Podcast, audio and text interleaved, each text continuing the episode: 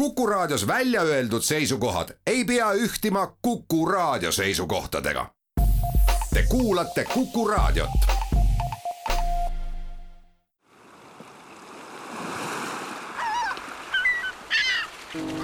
meretund. meretundi toetab Tallinna Sadam tere, meresõbrad, on laupäev ja Meretunni aeg. mina olen saatejuht Vallo Kelmsaar. kodune võistluspurjetamise hooaeg on algamas. Pärnus peetakse sel nädalavahetusel Mairegatt. Pärnu jahtklubi liikmeid on aga seilamas kaugemalgi ning Maltal peetud avamere purjetamise ORC Euroopa meistrivõistlustelt võideti kaks medalit. jahi Sugar kolm meeskond kapten Ott Kikase juhtimisel tuli seal C-grupis Euroopa meistriks ning B-grupis pälvis hõbemedalid jahi Katariina teine meeskond Aivar Tuulbergi juhtimisel. kaks medalit võitsid hiljuti tiitlivõistlustelt ka meie purjelaudurid. aprillis Itaalias Kardajärvel tuli Tallinna purjelauakooli kasvandik Berta Kivistik esimese Eesti purjelaudurina Euroopa meistriks ja seda U viisteist vanusearvestuses. pronksmedali võitis U üheksateist vanusearvestuses Liisbet Orav Noblessneri purjetamiskoolist. tänases Meretunnis räägime aga laevamehaaniku tööst ja suurtest laevadest. Tallinna Sadama tütarfirma TS Shipping andis sel nädalal teada, et Briti firmaga Equinor on sõlmitud prahtimisleping, mille kohaselt läheb meie multifunktsionaalne jäämurdja Botnica alates viiendast juunist vähemalt neljakümneks päevaks meretuuleparke teenindama. see on ka üks Tallinna Sadama strateegilistest tulevikusuundadest. rääkisin TS Shippingu juhi Ülo Eeroga üleeile, kui Botnik oli Soomes doki remondis. Botnika läks dokki juba aprilli lõpus ja selle aasta dokk on selles mõttes eriline, et ta on klassiuuenduslik dokk, ehk siis me peame klassiühingule ette näitama sisuliselt kogu laeva koos masinapargi ja kõige muuga ja see eeldab väga-väga äh, suurt tööde mahtu, lisaks kõigele meil oli veel äh, juba üle aasta tagasi planeeritud tõsta Botnica polaarklassi, kuna me töötame ikkagi Kanada Arktikas, ja polaarklassi me tahtsime tõsta PC5 pealt PC4 peale, mis oleks äh, andnud meile siis võimaluse kasutada Botnicat kõrgematel laiuskraadidel ja ka pikemalt just arktilistes äh, tingimustes ja vindid said tellitud äh, ABB ettevõtte käest, need tehti valmis Hispaanias, käisime neid veel vaatamas siin päris aasta alguses, et mis seisukorras nad on, kuidas nad äh, on valmistatud, kahe päeva jooksul tegime päris palju kõikvõimalikke teste nendele vintidele, koos tsentreerimist ja, ja kõikvõimalike pragude ja vigade otsimisega. ja eilse päeva seisuga on kaks vinti paigaldatud Botnikale, kaks eelmist vinti me võtsime maha, need paigaldame peatekki, ehk siis sisuliselt Botnica sai omale praegu äh, siis klassi uuenduse, mis äh, kindlasti tõstab laeva hinda, tõstab tema siis opereerimise ütleme sellist äh, ala just nimelt arktilistes tsoonides ja annab siis võimaluse ka rohkem ilmselt siis ka tulevikus teenida, et see on nagu üks töö, selline suurem töö lisaks kindlasti ballastvete puhastussüsteem sai laeva paigaldatud koos kõikide võimalike komponentidega, et see on juba kohustuslik selline nõue seda tüüpi laevadel ja üldse kaubalaevadel. et see oli päris, päris mahukas töö. ja noh, tavapärased tööd nagu korpuse värvimised ja seda ilmselt ei tasu mainida, sest Kotniga igatahes nüüd Tallinnasse saabudes kusagil nüüd mai keskpaiku ilmselt peaks välja nägema päris kena et kellel on huvi, siis ma kujutan ette, isegi Pirita teelt peaks päris hästi välja äh, paistma see kena Botnica laev, mida on siin päris paljud juba ka kiitnud, et, et nii hea laev, et kahju, et soomlased isegi selle ära andsid eestlastele kunagi omal ajal või müüsid. no Botnicat saab näha ka Vanasadama kruiisiterminali katuselt, aga küsiksin veel nende dokis tehtud tööde kohta, et mille poolest uued sõukruvid seni kasutusel olnutest erinevad, on seal mingi vahe ka? Jaa, vahe on kindlasti, kui eelmised äh, vindid oma ütleme, tugevuselt ja metalli koostiselt ei vastanud äh, just nimelt nendele klassiühingu äh, polaarklass nelja nõuetele, siis need vindid, mis praegu alla pandud, on esiteks tugevamad, nad on natuke paksemad, Nad on erimetallist tehtud ja arvestavad just nimelt selliseid natuke raskemaid jäätingimusi ja noh, kuna Botnikal sisuliselt ei olnud nii nagu tavalisel autol, et vahetame suvekummid või talvekummid ära, siis meil tegelikult tekkis praegu ikkagi hea võimalus saada kaks lisavinti, juhtumiks, kui peaks kas või ühe vindiga kuskil mingi probleem tekkima, siis seda peab kindlasti meeles pidama, et Botningal on kaks erinevat vinti, nad pöörlevad erinevalt, mis tähendab seda, et need vindid ei ole identsed, iga parda jaoks ehitatakse täiesti oma, oma vint ja need on päris, päris sellised erilised vindid, et mitte tavalised. Kui need uued sõukruvid on nüüd paksemad, kui olid olemas olnud ja ilmselt ka raskemad, käiguomadusi neil veel proovida ei ole saanud? käiguomadusi ei ole saanud proovida, aga ABB on teinud kõikvõimalikud äh, modelleerimised juba varem ära, et äh, kõik see, mis on siis vähemalt arvutipõhiselt ära tõestatud, äh, peaksid näitama, et need vindid käiguomadustelt väga palju ei erine ja ühe vindi kaal on umbkaudu kuskil kümme tonni, et, et tegelikult kasutades erinevaid metallisulameid, on tegelikult kaalud on suht samaväärsed juba ennem all olnud vintidega, lihtsalt eel, need eelmised vindid said valmistatud tuhat üheksasada üheksakümmend seitse, et äh, vahepeal on lihtsalt aeg edasi läinud ja uusi sulameid kasutatud, et äh, me just äh, väga kiivalt järg-, jälgisime seda, et uute vintidega ei kaasneks võimalikke probleeme ei vibratsiooni ega, laeva ekspluatatsiooni ega ka kütusekulu näol. Aga ilmselt on nad ikkagi veel kasutuskõlblikud, ega siis ilmaasjata ei plaanita neid nüüd Botnica pardal siiski säilitada? kindlasti jaa, loomulikult on kasutuskõlblikud ja noh, kordan veel kord üle, et ega, ega need arktilised vööndid, kus me ikkagi töötame, on äh, üsna sellised ettearvamatud ja sa ikkagi kunagi ei tea, tähendab, millistesse jäädesse või, või mis seal vee all ujuda võib, kuna osa jäämägesid on küll vee peal hästi nähtavad ja, ja nendest me saame kenasti kõik mööda, aga on ka sellised, mis ujuvad seal allpool veepiiri, et äh, alati pead ikkagi valmis olema ka selleks, et sinu vintidega võib midagi juhtuda ja juhul, kui sul ei ole varuvinte kuskilt võtta, et siis see on probleem et me tegelikult praegu selle vintide vahetusega saime ka sellise päris hea kindlustuspoliisi omale juurde, et äh, juhul kui vintidega midagi peaks juhtuma, siis on vähemalt kohe ka võtta teine vint alla panna või, või mõlemad. Kas need klassi uuendustööd või klassi tõstmise tööd nüüd eeldasid ka veel mingeid muid ettevõtmisi peale sõukruvide vahetamise? ja ikka noh, see on juba selline klassiühingu nõue, et me peame ikkagi ette näitama kõik oma peamasinad ja Botnica peal on neid lausa kaksteist, et äh, hästi mahukas töö, mida me alustasime juba väga-väga varakult, juba mitmed kuud varem, ehk siis äh, kõik peamasinad tuleb lahti võtta, näidata detailselt ette klassiühingu esindajale, mis seisukorras nad on, kui midagi on vaja ära vahetada, siis tuleb ära vahetada, ja see on võib-olla meie õnn tegelikult, et meil on nii palju peamasinaid peal, kuna me saame töötunde jagada nende masinate vahel, mis tähendab seda, et äh, tegelikult äh, summaarselt iga üksiku peamasina töötundide arv on, on väga sellises heas tasemes ja võib veel kesta vähemalt siin viisteist aastat, et äh, neid töötunde saabki jah, jagada just nimelt selle kaheteist peamasina vahel, et ei ole vajadust hoida töös kõiki korraga, vaid kasutame täpselt nii palju, kui meil elektrienergiat vaja on, kuna Botnica on siis diiselelektrilaev, ehk siis vintide peal läheb elekter. Botnica on siis jäämurdja, aga nüüd lähiaja töö, mis tal ees seisab, ei ole mitte jäämurdmisega seotud, vaid Botnica läheb lepingu alusel neljakümneks päevaks Suurbritanniasse, täpsemalt vist Šotimaale. jah, meil õnnestus päris peale pikemaid läbirääkimisi saada leping äh, Norra ühe päris suure tegijaga, Eguinor. Äh, see töö on meile selles mõttes väga oluline, et me ikkagi vaikselt sellest arktilisest tsoonist proovime ka paralleelselt teha offshore'i töid, ehk siis kasutada laeva täisvõimsust ja tiipi võimekust, ehk siis seda niinimetatud dünaamilise positsioneerimise võimekust ja õnnestus tõepoolest saada siis leping Equinoriga töötamaks äh, Šotimaa lähistel Highwind äh, tuuleparkides, mis siis omakorda avab meile väga hea sellise CV ja võimaluse ka tulevikus mõelda Tallinna Sadamaal oma SOV tüüpi ehk siis äh, tuuleparkide teeninduslaevade peale. Ja selle projektiga me töötame juba siin pikemat aega, et olla ikkagi äh, nõu ja jõu ja, ja laevastikuga siin Eestis äh, tegevad ka tuuleparkides, tuleb neid siis, kui palju tuleb. mida see töö tuuleparkide juures Botnica jaoks täpsemalt äh, sisaldab? no tegelikult on Botniga täisvõimsuse kasutamine välja arvatud see niinimetatud moon pool ehk siis see šaht, mis meil on laeva keskel, kust lastakse vette kõikvõimalikke roboteid, aga me tegelikult paigaldame ennem Šotimaale minekut laeva peatekki veel kõikumisvastase trepisüsteemi, mida kaudu siis hakkavad kõikvõimalikud tehnikud ja ehitajad käima tuuliku enda ja siis laeva vahet, ehk siis nad elavad laevas,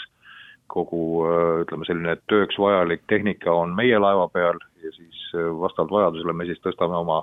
jällegi kõikumist kompenseeriva kraanaga seda tehnikat siis tuulikute endi peale, ehk siis see on nüüd täismahus see töö, mida me siis tulevikus peaksime tegema hakkama nende SOV tüüpi, ehk siis tuuleparkide hoolduslaevastike laevadega, et, et me saame nüüd lisaks selle kahe tuhande kolmeteistkümnenda aasta kogemusele, kui me töötasime juba niigi eh, Siemensi projektidega, saame nüüd päris sellise korraliku CV-ga päris reaalselt nüüd tänapäeval eh, töötamaks siis tuuleparkides. Ja see on kõik see töö, mis on siis eh, ilmselt ka oodatud meie vetesse, on see siis Liivi laht või Saaremaast lääne pool et tuuleparke on äh, kaardi peal vähemalt märgitud palju, aga noh, meil tegelikult ei ole väga vahet ka, kas me töötame Eestis või töötame kusagil mujal, ehk siis laeva me teeme kindlasti või laevad me kindlasti teeksime sellised, mis on kõlblikud töötamaks ka Põhjameres, ka Balti meres, nii et äh, tulevik tundub vähemalt meie jaoks helge aga sarnase töökogemus Botnikal on siis kahe tuhande kolmeteistkümnendast aastast Siemensi projekti raames juba olemas, kas nüüd on midagi teistmoodi ka? Jaa, nüüd on teistmoodi, sest me võtame Norrast peale ennem äh, Šotimaale minekut äh, trepisüsteemi, see on siis äh, selline väga eriline süsteem, millega siis ühe koha peal, ehk siis selles niinimetatud DP režiimis, dünaamilise positsioneerimise režiimis laev seisab tuuliku kõrval ja antakse siis tuuliku platvormi peale selline trepisüsteem, mis jällegi kompenseerib laeva enda kõikumisi ja tuult ja laineid ja sedamööda siis sisuliselt käivad äh, kõik need töötajad seda tuuliku vahet ja viivad sinna ka siis neid äh, tööriistu, äh, ükskõik mis tehnikat, et et see saab olema päris selline kompleksne töö, et ta on keerukas, aga meeskonnad on meil tublid, kaptenid samuti, et hetkel me näeme küll, et me saame täiesti edukalt selle tööga hakkama. Ja tuleb lihtsalt selle lisatehnika siis kraana näol, mis hetkel on küll veel Paldiskis kuna jäämurdajaks ma seda pole peale pannud, aga nüüd selle maikuu sees me tahaks nüüd äh, suure kraana peale panna, sada kuuskümmend tonni tõstva kraana ja siis lisaks äh, sõidame siis ennem seda Šotimaa projekti veel Norrasse, Haugesundi, kus paneme peale siis selle trepisüsteemi, mis on jällegi ikkagi üks väga eriline, aga see on üks ka üks selline olulisemaid äh, tehnilisi lahendusi nendes SOV tüüpi laevades, ehk siis tuuleparkides töötavates tehnislaevades. ehk siis me saame täiskomplektsuses laeva mis ongi äh, tuuleparkide jaoks äh, täiesti ideaalses koosluses. kas see ideaalne kooslus äh, tuleb sügisel Kanada Arktikasse minnes taas maha võtta laeva pealt? me seekord võtame maha ainult selle trepisüsteemi, kuna trepisüsteem ei ole meie enda oma, siis me oleme sunnitud ta rentima, aga kui tuleviku perspektiivi vaadata, siis kui me nüüd selle aasta ikkagi projekti või äkki isegi kaks projekti saame tehtud tuuleparkides, siis ei ole sugugi võimatu, et Botniga tuleb lihtsalt varustada siis või sisse osta üks selline tripisüsteem, mis siis jääks statsionaarselt Botnica peale ka edaspidi tuuleparkides töötamaks, sest noh, see, see tuuleparkide äri ikkagi on perspektiivne ja kui vaadata kas või Euroopa meretuuleparkide assotsiatsiooni eh, lehekülge kaarte, siis eh, neid tuuleparke meie ümbruses eh, nii Soomes, Rootsis, ka Läti, ka Leedu, ka Poola on täpselt nii palju, et juba tänase päeva seisuga me jälgime seda trendi päris hästi, et et kõik need laevad, mis on võimelised ikkagi meretuuleparkides töötama, et need võetakse ka tööle ja meil on ikkagi jah, päris selles mõttes hea, hea praegu aastat alustada, et et jääb küll jah, Kanada sinna kusagil september, oktoober, november, aga vähemalt ennem seda, kuskil juuni, juuli, äkki isegi august me üritame ikkagi leida siis eh, just nimelt seda õiget offshore'i tööd ja oleks ideaalvariant, kui see oleks jah, kõik tuuleparkides, et eh, Equinoriga me ilmselt ei lõpeta, et me vaatame veel variante, on meil praegu laua peal. Et kuna meil see kõik see tehnika on juba seal peal ja kuna me tegelikult juba asume ka meretuuleparkide päris äh, lähedal, ehk siis nii Põhjameri kui Hollandi veed, et äh, pole sugugi võimatu, et me töötame kusagil päris septembri alguseni tuuleparkides. aga need äh, täpsemad kokkulepped on veel sõlmimata? esimene kokkulepe Equinoriga on sõlmitud ja leping on allkirjastatud, nii et see on ja ma mõtlesingi neid edasisi. edasisi on, variante on lausa mitmeid, nii et äh, mille peale pidama jääme, eks see paistab, läbirääkimised käivad, väga tuntud nimed taaskord,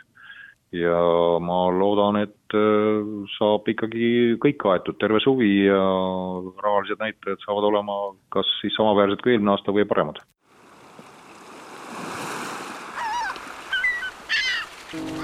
meretund. meretundi toetab Tallinna Sadam.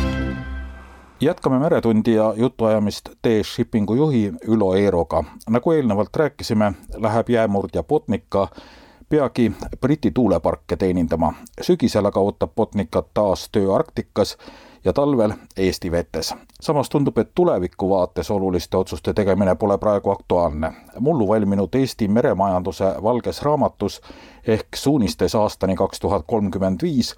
on küll märgitud, et tuleb analüüsida jäämurdevõimekuse vajadust ja koostada jäämurdmise pikaajaline kava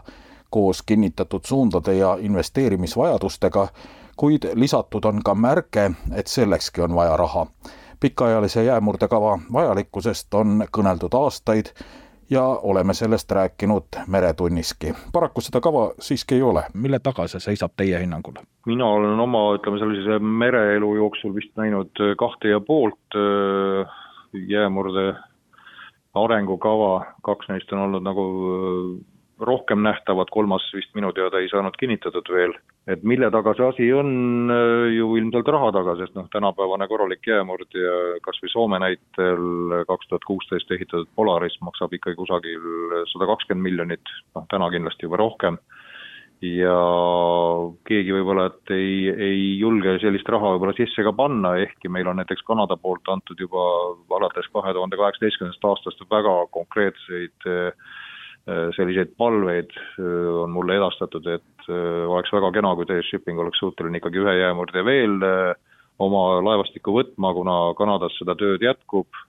sellel aastal tänu sellele, et meil lisajäämurde võimekust ei ole, kirjutasid Kanada meie tööandjad alla ühe lepingu Soome ühe jäämurdjaga, mis tegelikult oleks võinud väga edukalt olla ka Eesti oma,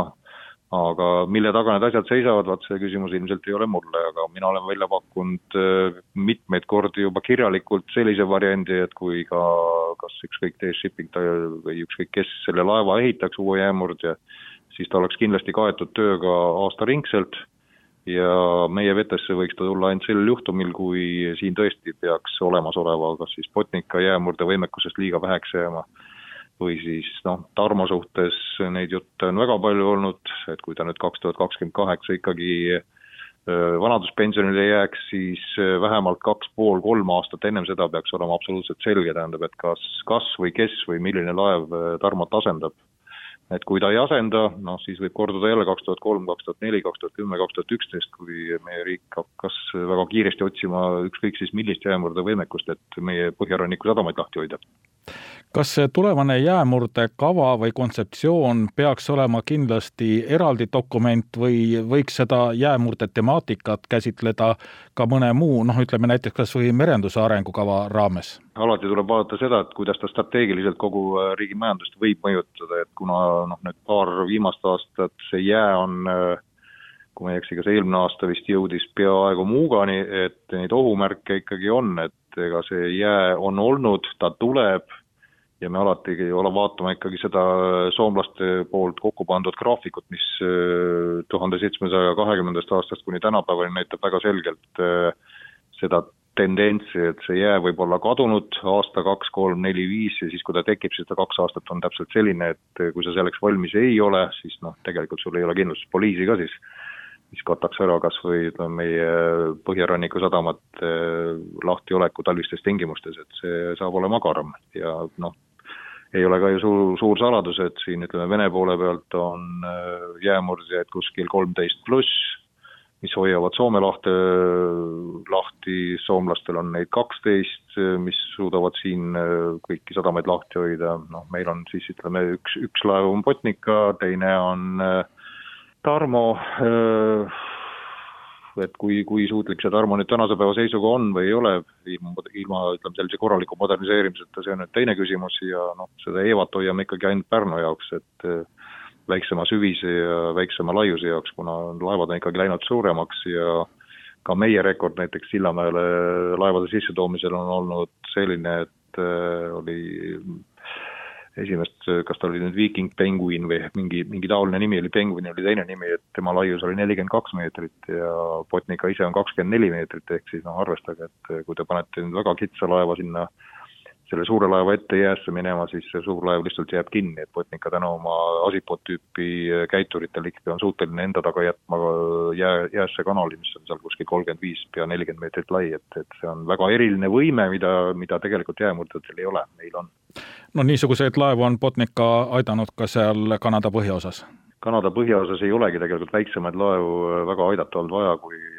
niinimetatud Panamax tüüpi laevasid, mille laius on kolmkümmend kaks meetrit, pikkus kakssada kuuskümmend ja pluss, et need on kõik suured laevad ja ikka sellist vähe karmimates jäätingimustes noh, sellist päris lahjat laeva sinna ette panna, et see on lihtsalt risk nii tagatulevale laevale kui jäämurdjale, et et iga päev maksab, noh eriti Kanadas näiteks raua, rauamaagi väljaveol, et laevade keskmine selline äh, laadimiskiirus on kuskil päev-poolteist maks, et äh, seal on päris, päris palju tuleb äh, sellist jäämurdetööd teha ja noh, meil on vist äh, kõige hullem aasta oli vist kas kaks aastat tagasi, et kaheksakümmend kuus laeva tuli.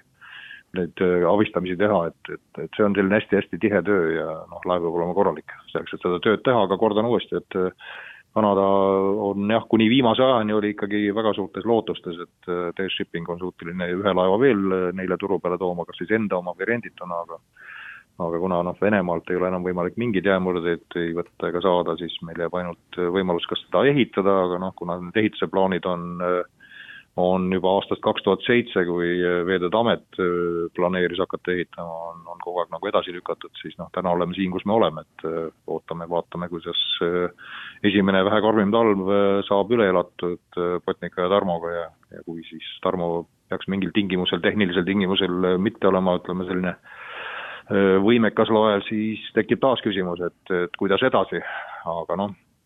et need jääd on jah, sellised äh, ettearvamatud, et ta võib kaks aastat olla, siis neli või viis aastat jälle mitte olla, et neid üllatusi on ennem olnud ja seesama kaks tuhat kolm, kaks tuhat neli, kaks tuhat kümme, kaks tuhat üksteist on nagu head näited olnud, kus tegelikult reaalselt äh, oli oht, et kaubavood, mis lähevad läbi Eesti sadamat, oleks võinud äh, kinni jääda just neid samu aastaid tahtsingi meenutada, ehk siis selgus ka see, et tegelikult kui ikka kõigil meie naabritel on häda käes, siis eeskätt hoolitsetakse oma veeteede lahtihoidmise eest ja alles seejärel vaadatakse, kas on võimalik oma jäämurdjaid ka teistele rentida jah, seda päris kindlasti, sest meil on jah, selline veri on paksem kui vesi poliitika, et on, on soomlased meilt abi palunud, kusjuures Botnikat taheti tagasi saada kaks kuud peale seda, kui ta meile ära müüdi, neile tagasi appi. koostööd kui sellist Soome ja Rootsiga meil tegelikult ei ole, kuigi kaks tuhat viisteist detsembris äh, kui ma õieti mäletan, äh, Kristen Michal kirjutas alla memorandumi Soome ja Rootsi transpordiministritega selles suhtes, et teha koostööd jäämurdealaselt, aga see koostöö sinna vist on jäänud, et tal vähemalt edasist arengut minu teada pole olnud. ja ma ise kohtusin alles siin üleeile Helsingis äh, meie konkureeriva firmaga Arctia Shipping ja nemad teeksid küll jah, koostööd, aga noh, keegi peab selle koostöö kuskilt alustama, aga see kindlasti ei ole mitte DS-Shipping, kelle kohustus äh, ei kuulu võib-olla meie sadamate lahtihoidmine, me pigem nagu pakume teenust. kas on õige öelda, et DS-Shippingu koostöö Kanada firmaga Buffinland Iron Mines jäi katki või ütleme, võib-olla ei laienenud, oleks täpsem öelda, seetõttu, et DS-Shipping on liiga väike ettevõte ja ühele laevale lisaks ei olnud võimalik rohkemat pakkuda katki jääda päris kindlasti mitte, sest äh, ka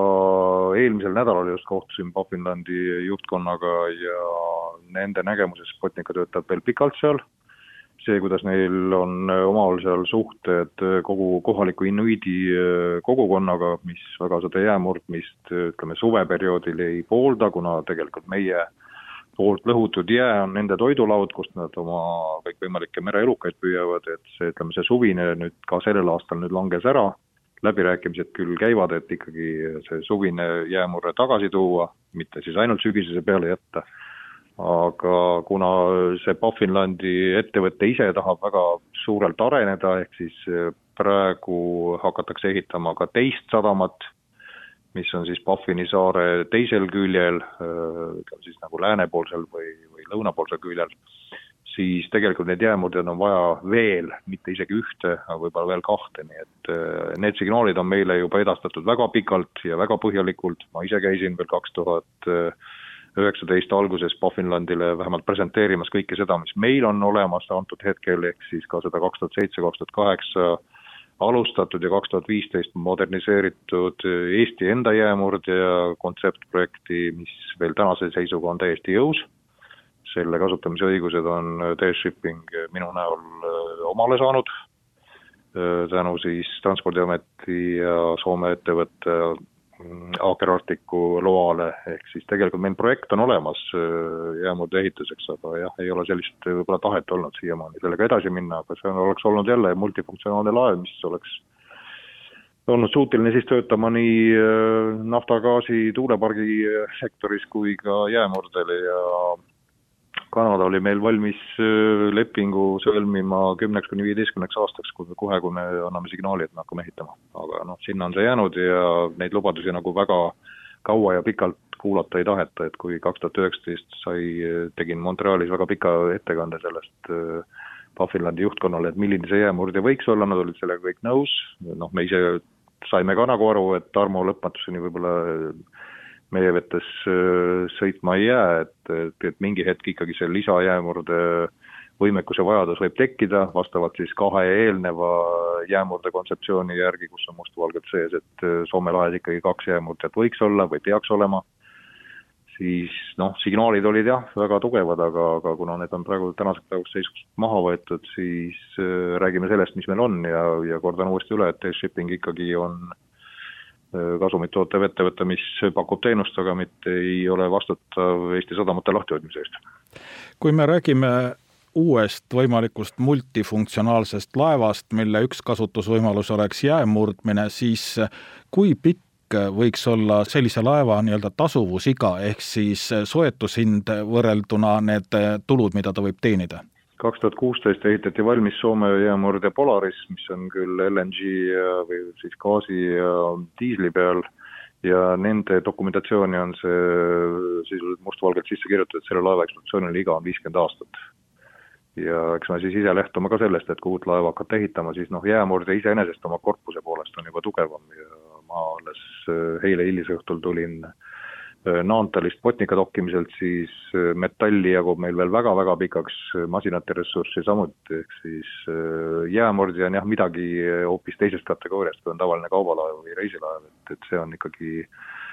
planeeritud kestma ja meil on siis ikkagi jah, see plaan on olnud ka, et et mida ma olen siis jah, kirjalikult väljendanud ka nii Transpordiametisse kui tema eel, eelkäijasse, et seda uut jäämurdjat äh, ei olegi vaja, ütleme siin Eestis kogu aeg hoida, et ta võiks teenida riigile raha ja ka iseennast tagasi osta, kuna meil on väga hea kogemus ka praegu Antarktika tsooniga, kus kaks meie mõlemat kaptenit on töötanud ja Antarktikas on väga vaja jäämurdjat, äh, ehk siis oleks täiesti võimalik ikkagi katta võib-olla mõlemad otsad ära, et töötada meie talvel näiteks äh, Antarktikas ja siis meie suvel siis kuskil mujal, et, et seda jäämurdevõimekust tegelikult on maailmas vähe ja, ja et kui see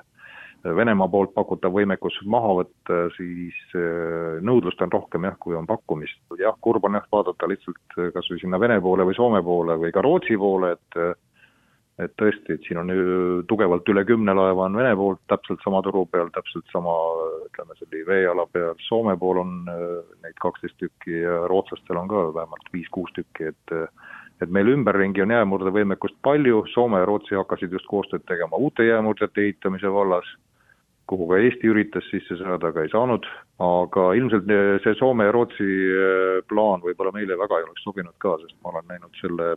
Soome-Rootsi uue jäämurdja selliseid eskiislahendusi ja need on ikkagi konventsionaalsed jäämurdjad, ehk siis nad tegelevad ainult, ainult jäämurdmisega meie ikkagi näeksime perspektiivis äh, võimalust selle laeva hinda ikkagi tagasi teenida äh, just nimelt sellel offshore'i maastikul, ehk siis äh, nafta, gaas, tuulepargid. et see oleks natuke mõistlikum vähemalt laeva ekspluatatsiooniliste kulude ja ka riigi kulude minimaliseerimisel. Ega siis muud, kui tuleb ootama jääda seda, milliseid otsuseid poliitikud nüüd kas siis selle aastanumbri sees või lähiaastatel teevad, igatahes praeguses koalitsioonileppes ei ole merenduse ja veel vähem jäämurdmise kohta mitte sõnagi kuni esimese suurema jää tekkimiseni, see on kogu aeg niimoodi olnud ja huvitaval kombel, kui lugeda kas või Läti ajakirjandust, siis äh, ega nemad täpselt samuti oma äh, Tarmo sõsarlaeva Varma suhtes on kogu aeg olnud väga pessimistlikud, kuni selle hetkeni, kui on tekkinud jää ja siis on järsku ajakirjanduses äh, väga positiivsed artiklid tekkinud, kuidas Varma on aidanud seal viit, kuut, kümmet, viiteist laeva Riiga ja tagasi, et see on täpselt kuni selle hetkeni, ehk siis see on nagu kindlustuspoliis et kui sinu autoga midagi ei juhtu, see on kõik väga kena ja tore, aga selle kaskukindlustus ikkagi võiks olla.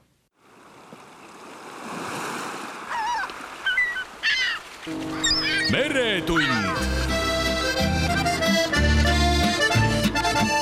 meretundi toetab Tallinna Sadam meretund jätkub. mõne nädala eest käisin uudistamas laevapere tööd Tallinki reisilaeval Megastar meri oli küll rahulik, kuid udu tihe ja sildumise eel jäi mulle meelde kapteni tõdemus. saime silmad pähe, näen poid ja kajakat. pärast kuulsin, et on olnud ka selliseid sildumisi, kui sillalt laeva ahtrit ei näe masinaruumis oli üks peamasin parasjagu hoolduseks lahti võetud ja töökojas puhastati selle kolbe. mehaanikutel on tegemist ka öösiti, kui laev kai ääres seisab, rääkis Megastaari vanemmehaanik Silver Moora mehaanikud on laevas sama olulised kui kapten ja tüürimehed. võib-olla tähtsam on ikkagi see mehaanik, öeldakse niimoodi, et kui seda juhtimist üles silda ei anta masinaruumist ja masinad ei käivitata, siis see laev ei väljuda kuskile reisile. ilmselt ikkagi kõik sõltub ka sellest, kuidas on meeskonna omavahelised suhted ja kõige tähtsam on ikkagi meeskond. jah, ja kindlasti on see meeskonna omavaheline läbisaamine selline, et sa oled ikkagi tööl, oled sa nagu selline ühtne laevapere ja proovid ikkagi sellist rõõmsat meelt hoida ja ja kui on mingid probleemid, siis sellised äh, rahulikult neid probleeme lahendada, et omavahel tuleb ikka hästi läbi saada. milline on sinu meeskond, ehk siis äh, mehaanikute meeskond? meie laevas on põhiliselt on siis ikkagi nooremapoolsed on sellised. jäävad ikka alla neljakümne ja kolmekümne vahele jäävad see vanuseklass on nagu meil. kuidas sa hindad seda? see on väga hea, et äh, nii keerulise laeva peal siis just need nooremapoolsed inimesed, nendel on siin huvitav nagu esiteks nagu mehaaniku alalt on väga huvitav sellel laeval ja siis nad arenevad edasi nagu väga, väga hästi kiiresti nagu, et vanemapoolsel inimesel võib-olla on natukene keerulisem siin laevas nagu see automaatikaseadmed just. kui kaua võtab aega, et äh, tõusta kooli lõpetanust vanemmehaanikuks, kui kaua sinu puhul läks? no üldiselt ikkagi on see kümme-viisteist aastat umbes. vanemmehaaniku, oleneb kaubalaevadel võib-olla saab kiiremini, et äh, minul on läinud siin kümme aastat selle jaoks. et alustad ikkagi motoristina seda sõitu seal, siis oled sa neljas mehaanik, kolmas mehaanik, teine mehaanik, esimene mehaanik ja siis vanemmehanik. milline on üks vanemmehaaniku tööpäev, kui me täiesti tavalist tööpäeva mõtleme, mis kell sa ärkad hommikul? no ärkan äh, kolmveerand seitse kuskil, ärkan kindlasti juba ülesse. ja siis äh, tavaliselt kiire selline hambad puhtaks ja tunked selga ja lähen alla masinasse. seal siis saan juba esimese kohvikannu kätte ja vaatan, mis siis äh, vahimehaanik räägib mulle ära, mis siis öösel laevas toimus nagu. põhiline siis selle Megastaari see hooldus toimub ka nagu öösiti nagu et väiksemad hooldused, suuremad me teeme ikkagi öösiti ja pluss siis punkerdamised toimuvad ka öösiti nagu, siis saan nagu ülevaate ära, mis on öösel toimunud ja. hommikune esimene väljumine seitse kolmkümmend, taas laev siis äh, paneb ennast valmis, seitse viisteist me oleme valmis äh, sadamast lahkuma. ja siis on esimene manööver ka sellel ajal ja hommikul kaheksa on siis vahivahetus ka veel. et siis saab ka nagu meestega üle rääkida, mis päevaplaanid on ja sellised, mis saab päeva jooksul ära teha ja mis on järgmine öö saab ka veel siis, mis plaanid on nagu laevas, mis tööd teha, teha, ära teha niisuguseid hooldus- ja remonditöid on ikkagi nii palju, et ükski öö vahele ei jää, midagi tuleb ikka teha, mida midagi. sõidu ajal teha ei saa. ja midagi kindlasti, on midagi, et äh, just mingi näiteks keevitamised tööd ka laevas sees, et need on nagu öösiti, kui punkerdamist ei ole, siis. Nendel vabadel öödel saab nagu keevitustööd ära teha laevas või. ja seda hooldust nagu laevas on nii palju seda tehnikat ikkagi on, et siis seda hooldusasju on ikkagi igapäevaselt tuleb välja nii elektrikutel kui ka kolmas, neljas, esimene mehaanik nendele kõigile. praegu on meil siin pärastlõuna, aga mis nüüd eeloleval ööl plaanis on? eeloleval ööl on meil plaanis äh, punkerdamine, eelkõige LNG autod tulevad meil, kolm autot tuleb punkerdama meid. ja siis öösel on äh, rutiinsed sellised hooldustööd on, midagi suuremat ei ole, et jätkame selle esimese masina hooldusega kuigi me tegime seda nüüd äh, praegu teeme nagu päeval remondimeestega koos nagu service mehed on peal meil selle jaoks aga ööseti teevad iga vahi ajal siis ka mehed oma töid. meil on vastavalt ka programm nagu, mis välja jookseb hoolduse ajadele, kas siis töötunnid või siis on need päeva lõikes tunnipõhiselt nagu, selliseid hooldusi tehakse ka nagu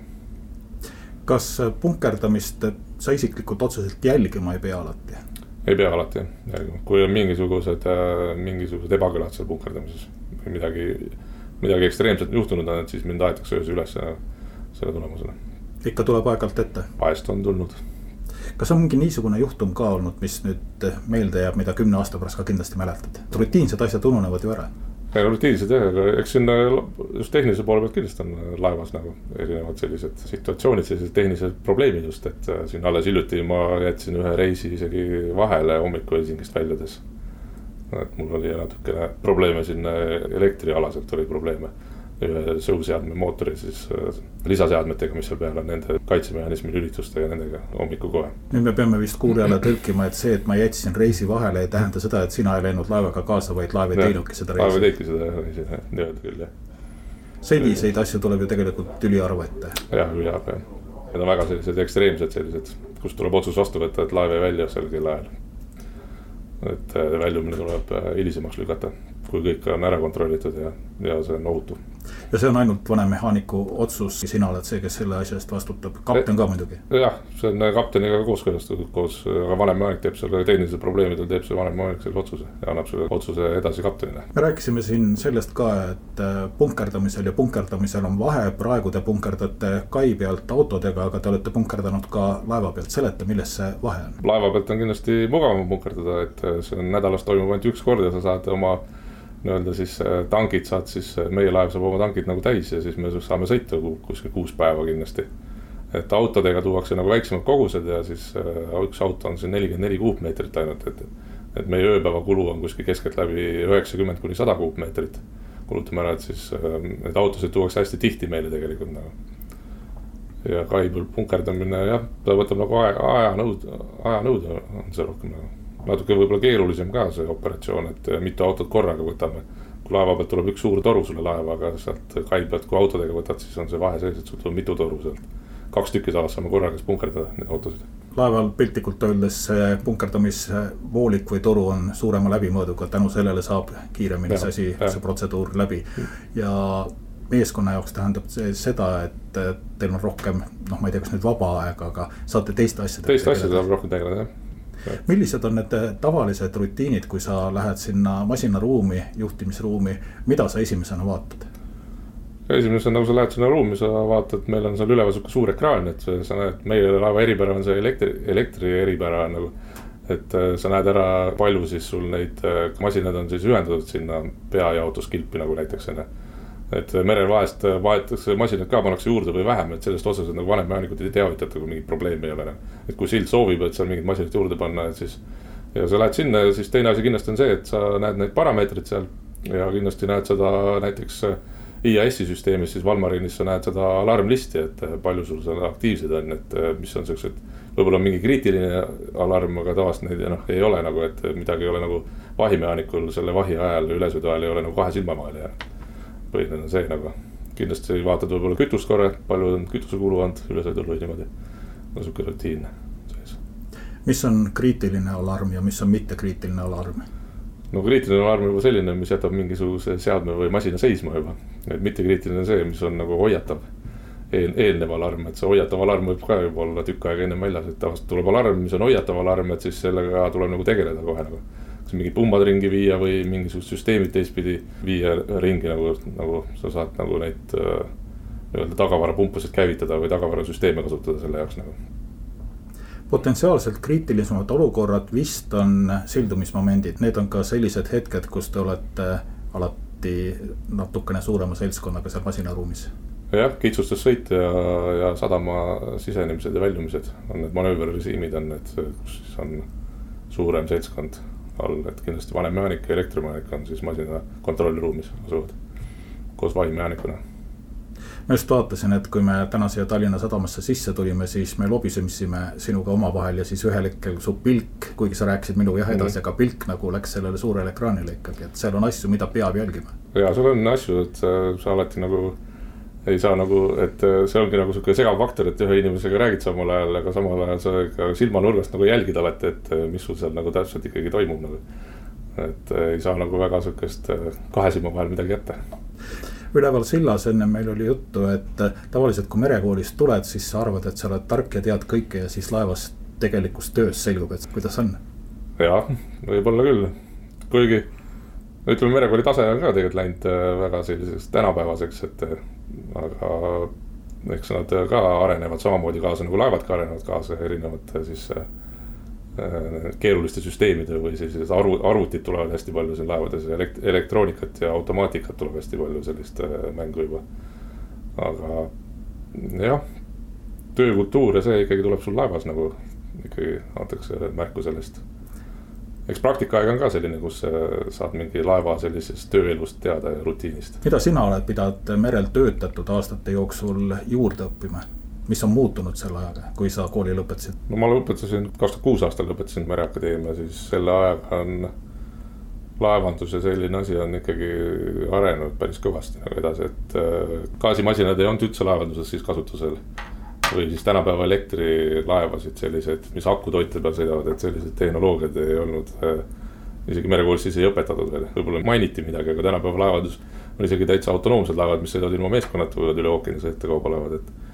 et äh, sellised asjad on kõik äh, juurde õpitud. arvutiteadmised, mida tänapäeva laevas vaja on, kas äh, need olid sul enne olemas või oled ikkagi siin pidanud juurde õppima? tehnilise poole pealt ikka väga palju siin ikkagi omast tööst juurde õppinud. Et oleme ka läbinud väga palju selliseid kursusi nagu Wärtsilä masinate sellised automaatikaseadmete kursused oleme läbinud. ja gaasilaeva üldse sellised masinate juhtimissüsteeme. Need juhtimissüsteemid või need süsteemid on ju ka erinevad, ei ole kõik ühesugused, et ma just enne kuulsingi, et kui MyStaril on näiteks teistsugused masinad kui siin Megastaril, siis päris ühtemoodi ei saa ka mehaanik oma teadmistega seal hakkama. ja on küll jah, et töö põhimõte võib-olla on küll jah, samasugune masinal, aga iga tootja on oma seadmed selle jaoks, on erinevad need mis ta on arendanud selle masina töötamiseks välja. see, milline ilm on väljas, mõjutab ka masinameeskonna otsuseid, kuidas te üht või teist asja teete kui ilm on, meri on karvane väljas, siis äh, ikkagi mõjutab see eelkõige töö tegemist masinaruumis, et. et äh, sellistes situatsioonides sellised äh, kolvi väljatõstmised või sellised on nagu väga raskendatud ja on ohtlikud sellised. aga ka kasvõi sellised masinaruumi ventilatsiooni siis reguleerimised on sellised asjad, mis ühel pool võib-olla Helsingi pool on teistsugune ilm kui Tallinna pool, et isegi siin mõjutavad need omavahel kuigi seda saab ka automaatselt nagu juhtida, aga väga palju laevas kliimat see mõjutab ikkagi selles suhtes. vastavalt ilmastikule näiteks rehvmehaanik ka seadistab laeva, laeva sisekliimat vastavalt ilmastikule ja temperatuurile. Ja ka masinaruumi sisekliima, masinaruumi temperatuur näiteks. seda saab reguleerida automaatikalt, aga inimene saab teha ette näiteks graafiku või saab panna mingid vastavad sellised set point'id näiteks süsteemi, et ta hoiab mingit sellist temperatuuri ja vastavalt sellele siis ventilaatorid töötavad puhuvad siis masinaruumi õhku või tõmbavad välja selle masinale. nüüd varsti seisab meil uus väljumine ees sadamast mida pead sellel puhul, väljumise puhul kõigepealt jälgima? Lähed masina kontrollruumi ja siis kindlasti käivitatakse üks generaator veel lisaks. Antakse siis juhtimine üles, et kõik oleks siis, äh, toimiks, et äh, masinad oleks ühendatud elektrivõrku, nii palju kui sild siis su käest äh, küsib neid vaimehaniku käest neid masinaid meilt. ja juhtimine antakse siis silda ja kõik parameetrid oleks korras ja ja kindlasti ka enne väljumist äh, rampide igasugune sulgemine, et rambid oleks suletud nagu, et ei oleks mingeid hälbed seal. et tavaliselt siis pootsmanile keegi annab märku sellest, kui mingi ramp või midagi ei sulge, kui mingi, mingi viga peaks tekkima. Ja siis, siis hakkabki laev väljuma, põrkurid ka kindlasti sisse lülitatud kuidas käib eh, see otsustamine, et millal sõita LNG-ga, millal diiselkütusega? hetkel vastavalt siis kulule ja vastavalt siis eh, tarnele nagu oleneb, palju Eesti Gaas siis suudab meile neid, eh, palju me kokku lepime nende punkerdamise arvudega suhtes. ja siis vastavalt sellele, et palju meil kulu on ja kui nad ei, ei too meile, toovad vähem gaasi, siis me sõidame diiselkütusel. aga see on jah jooksvalt nagu selline, hetkel on see kas me sõidame diislil või siis gaasil, et see on vastavalt kulule siis. see on lihtsalt vanemaealik otsustada. palju meil jätkub nagu lihtsalt. käib kõik ühe nii-öelda nupuvajutusega? käib küll jah, kui kõik toimub, siis käib ühe nupuvajutusega. kas äh, diislilt äh, gaasile üleminek ja vastupidi on täpselt ühesugune protseduur mm,? ei ole, et äh, diislilt gaasile minna, siis on teatud koormust on äh, vaja masinal hoida seal kümme kuni seitsekümmend protsenti tavaliselt on see koormuse vahe, mis vahemikus ta saab üldse lülitada ümber. ja valitakse see režiim, kõigepealt läheb üleminekurežiimile masin et viib siis äh, nii-öelda rohkem gaasi silindrisse ja vähendab siis seda diisli hulka sinna silindrisse, niikaua kui suudab selle diisli siis hulga miinimumi peale viia, jääb ainult pilot kütus, mis äh, läheb silindrisse, mis süütab siis gaasi seal sees. aga vastupidisel variandil toimub see ainult murdase sekundi jooksul. et äh, siis ta lülitab kohe diisli peale ringi, gaas läheb lihtsalt kinni, klapp läheb kinni ja diisel läheb lihtsalt järgi. et regulaator reageerib nii kiiresti, et lükkab kütusepumbad kohe kiiresti järgi ja väliselt inimene ei saa midagi aru. et mingeid muutusi oleks toimunud laevas. tänases Meretunnis kõnelesid Tallinki parvlaeva Megastar vanemehaanik Silver Moora ja ettevõtte TS Shipping tegevjuht Ülo Eero. Nendega vestles Vallo Kelmsaar. järgmine Meretund on eetris nagu ikka nädala pärast. Kuulmiseni.